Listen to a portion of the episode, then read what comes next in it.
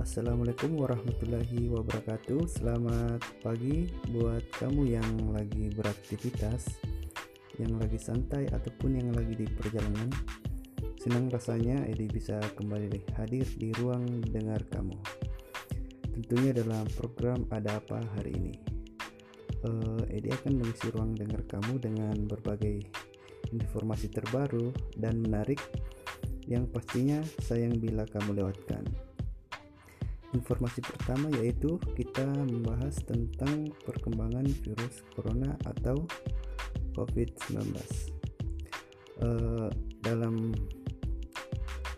pembahasan kemarin juru bicara pemerintah dalam penanganan corona Ahmad Yuryanto mengatakan jumlah pasien yang dinyatakan positif COVID-19 pada Kamis 25 Maret bertambah sebanyak 103 kasus saat ini, total keseluruhan pasien COVID-19 di Indonesia menjadi 893 orang.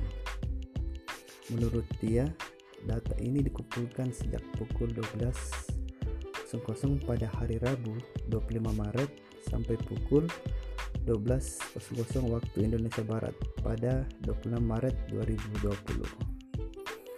Buat para pendengar selalu waspada dan tetap jaga kesehatan ya apalagi kan wabah ini penyebaran sangat cepat dan tidak memandang bulu siapa pun bisa terjangkit virus corona ini jadi buat kalian selalu cuci tangan dan jaga kebersihan diri dan jangan lupa menggunakan masker apabila berpergian dari rumah Oke, itu saja informasi hari ini. Selamat pagi dan selamat beraktivitas kembali.